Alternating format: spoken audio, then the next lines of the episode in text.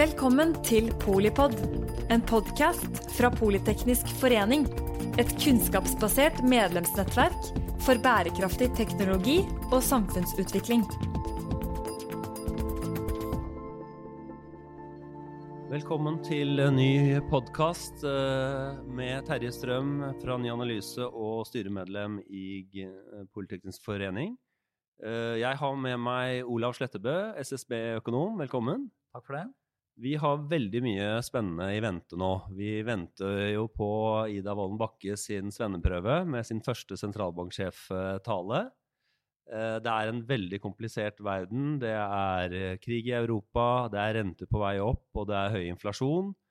Og eh, folk i samfunnet vårt er litt i tvil om lav arbeidsledighet er bra eller dårlig, fordi det rett og slett er så mange forskjellige synspunkter, både i tolvte etasje på Blindern og i fagbevegelsen og rundt forbi. Så eh, hva skal vi tenke når dere har kommet med nye tall nå fra SSB og nasjonalregnskap om dette med inflasjon og priser? Hva er det dere egentlig forteller om?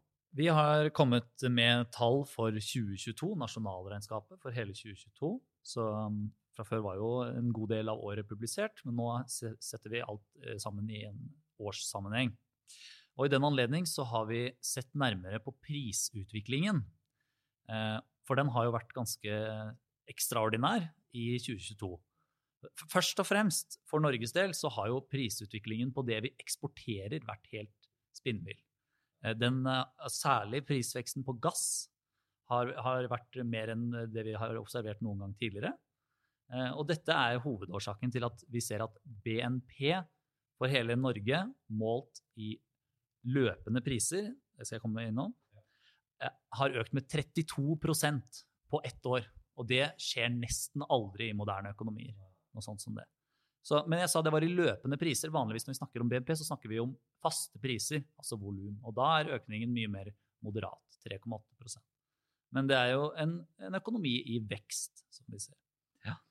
Men eh, for å ta, gå litt mer inn på dette med prisene så eh, Det som kanskje får enda mer oppmerksomhet i norsk politisk debatt for tiden, er jo prisene innenlands på det vanlige folk kjøper.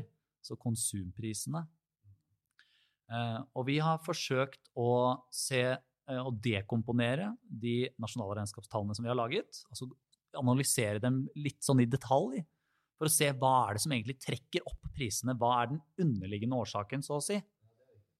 Ja, eh, og dette har det jo vært snakket veldig mye om eh, fram og tilbake. Eh, en del har påstått at det er først og fremst ettervirkninger etter pandemien. Andre har sagt at dette handler mye om strømpriser, og noen har kommet med dette med arbeidsmarkedet. At det er så utrolig stramt arbeidsmarked at alt bare blir pushet opp i pris. Ja, At bedriftene må overby hverandre, og at det er helt bonanza i arbeidsmarkedet. Nettopp. Så det er en god del hypoteser, og de er jo ikke gjensidig utelukkende, disse hypotesene. De kan kanskje være tilfellet i, varierende grad. Men det vi finner, er at eh, den dominerende årsaken til at eh, prisene på det som folk kjøper av varer og tjenester, økte i 2022, er at importprisene eh, og kraftprisene økte kraftig. Det er på en måte den helt overskyggende og dominerende saken. Ja, riktig. Så det, det er liksom på en måte at det er globale utviklingstrekk og svak eh, kronekurs som er på en måte viktigere enn at lønningene har steget for mye. Eh, ja. Sæ- Særlig da. Ja, det er det. Altså lønningene i min, mye mindre grad spiller en rolle i dette resonnementet. Eh, kronekursen spiller nok en viss rolle, men det er først og fremst dette enorme sjokket på eh, ja, strøm doblet seg jo da først fra 2020 til 2021, og så igjen fra 2021 til 2022. Ja. Det er veldig sjelden er, at vi er- ser noe sånt. Ja, Derfor så har man strømstøtte. Det er naturlig, da. Nettopp, men man har bare strømstøtte for husholdningene og en begrenset liten ordning for næringslivet. Så det vi har sett nærmere på, er hvordan har de økte strømkostnadene for næringslivet eh, forplantet seg til eh, prisene på alle mulige andre ting som de produserer og selger. Ja, ja, ja. Så hvis du tenker deg at du f.eks. produserer kaffekopper, da, jeg har en kaffekopp her i høyre hånd, eh, og du trenger så og så mye strøm for å produsere den kaffekoppen, så blir du jo nødt til å sette opp prisen på kaffekoppen hvis strømprisene øker kraftig, og du ikke har lyst til å få et dårligere økonomisk resultat enn du ellers ville fått. Ja, ja, i forhold til konkurransesituasjonen så, så har du det du kan ta ut med å øke prisen for å ikke få et lavere resultat. Ja, det kan være å liksom overvelte på kunden, da. Nettopp. Så vi prøver å analysere hvor viktig har den overveltningen av særlig eh, strøm- og drivstoffpriser i 2022 vært for alle mulige andre priser. Og da begynner vi å nærme oss det som Norges Bank er veldig opptatt av, det som heter kjerneinflasjonen. Ja, ja, ja. For i kjerneinflasjonen så holder du jo med helt bevisst strømpriser utenom, eller energipriser utenom. Det er det som er KPI-ja-E, ikke sant? Stemmer. Ja. Så den viser Norges Bank ofte til. Ja.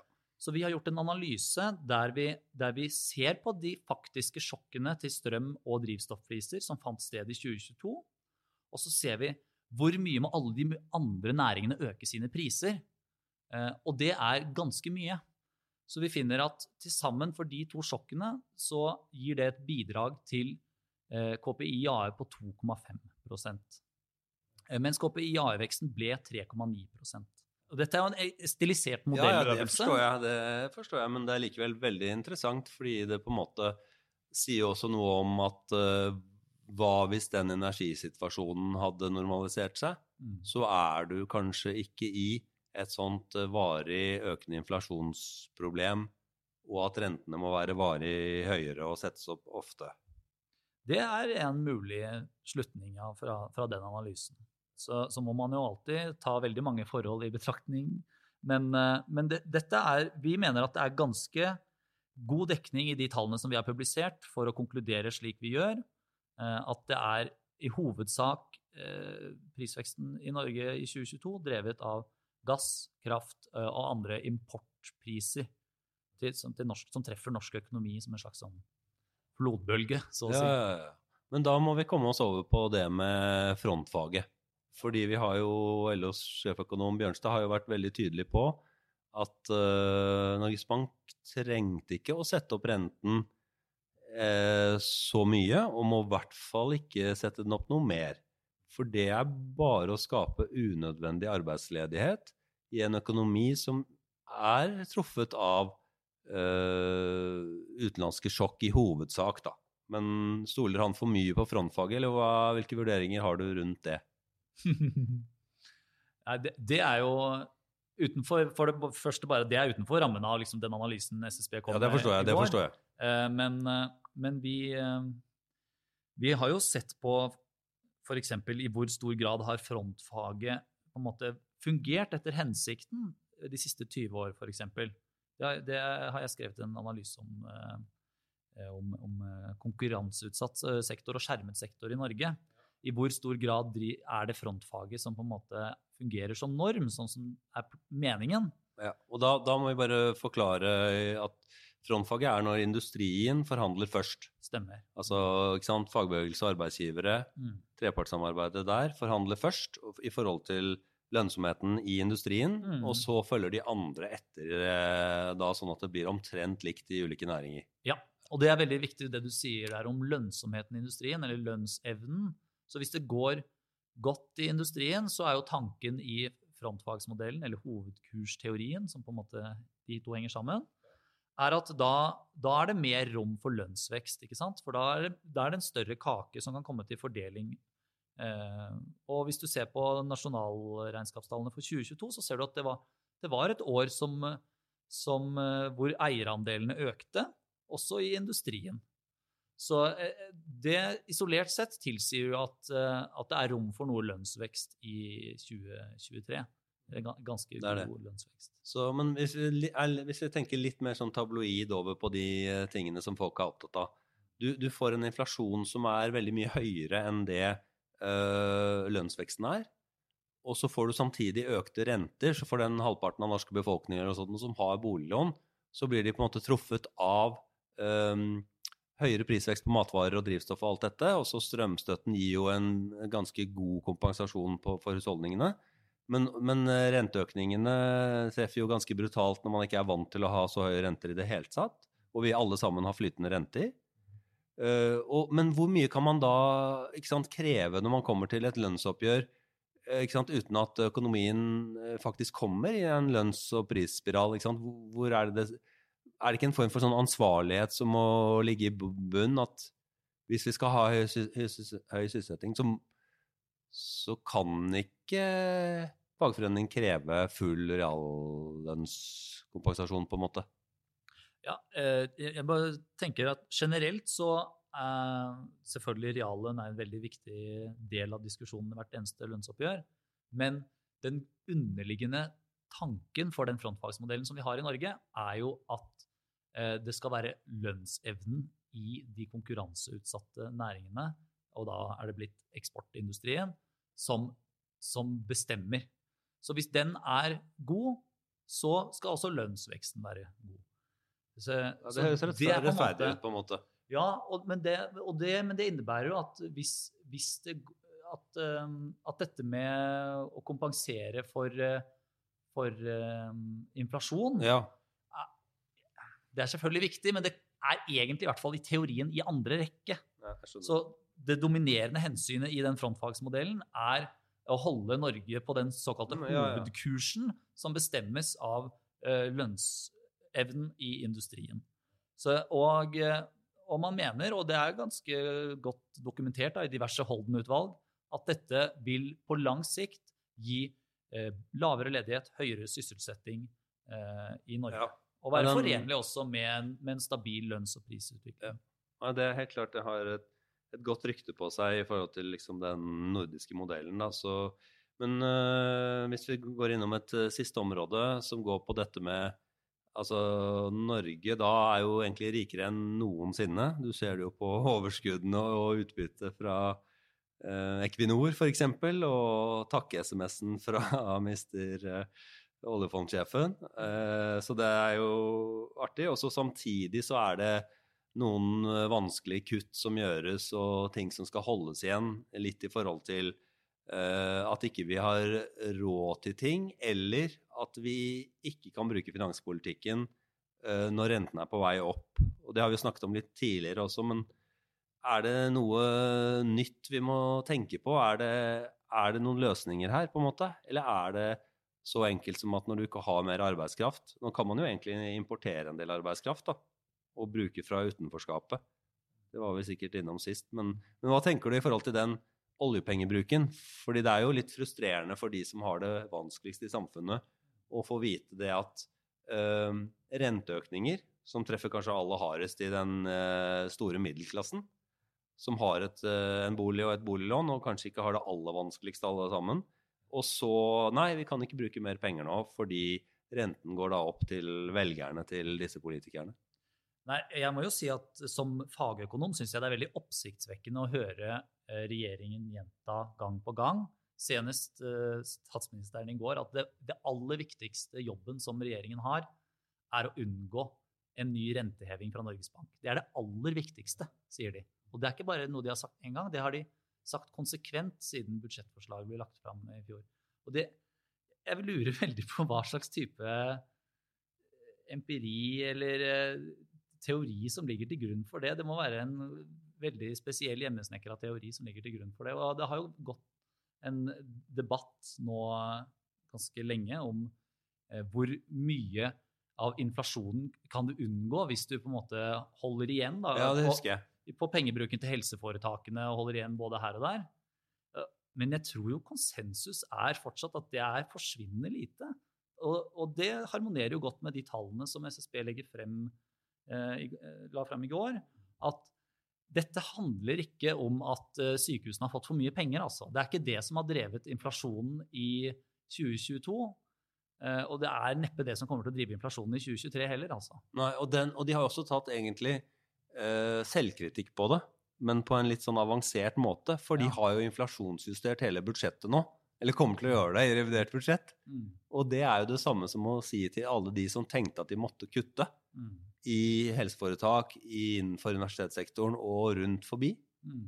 At eh, de ikke trenger å kutte allikevel. Og så lurer man selvfølgelig på skal de kompenseres med eh, 4 inflasjon eller 4,9, eller hvor skal dette ligge ja, det... i forhold til hva det var i den eh, deflasjonspris-lønn-saken eh, liksom, som lå i statsbudsjettet i oktober. da. Ja, det er det jo ingen som vet, da, men eh, vanligvis så har man jo pleid å styre offentlig forvaltning med budsjettvedtak. Altså at Stortinget vedtar. Det står jo i Grunnloven paragraf 75.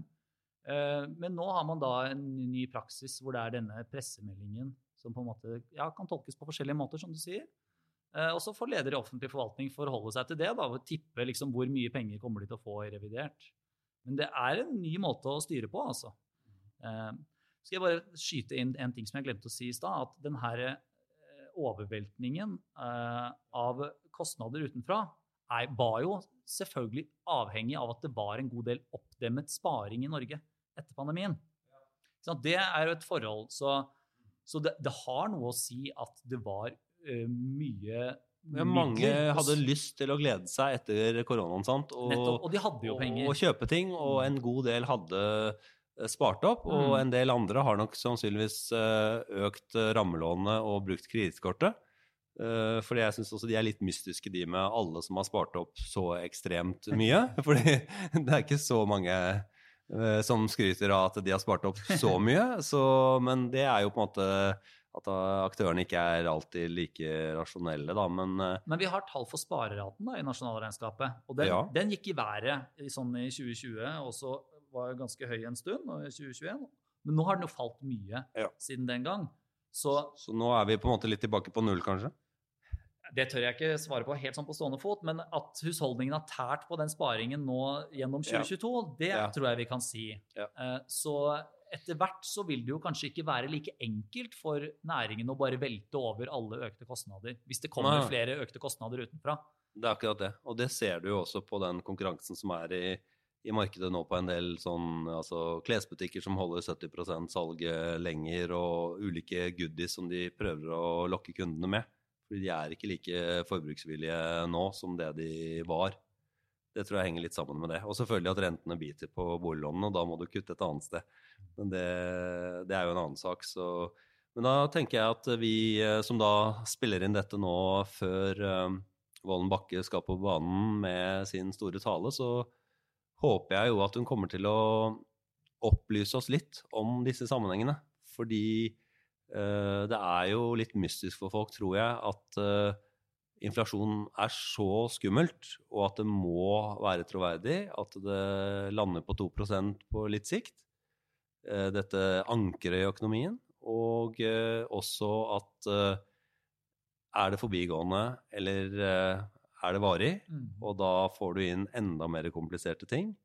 Så jeg er veldig spent på, på hennes uh, tale. Jeg er helt sikker på at den blir god. Det er mer uh, hvor uh, frittalende er det hun uh, tør å være. Så vi ønsker henne veldig lykke til, gjør vi ikke det, Olav? Absolutt. Det blir kjempespennende. Jeg skal følge nøye med. Yes. Ja. Tusen takk for at du kom. Takk for invitasjonen. Du har nå hørt Polipod med Terje Strøm. En kort podkast tilpasset tidsklemma og gledere i farta. Vi snakker om statsbudsjett, skatt, renter og bolig Takk for at du lyttet til Polipod fra Politeknisk forening. Få med deg flere episoder, eller bli med på nettverksmøtene som du finner på at polyteknisk.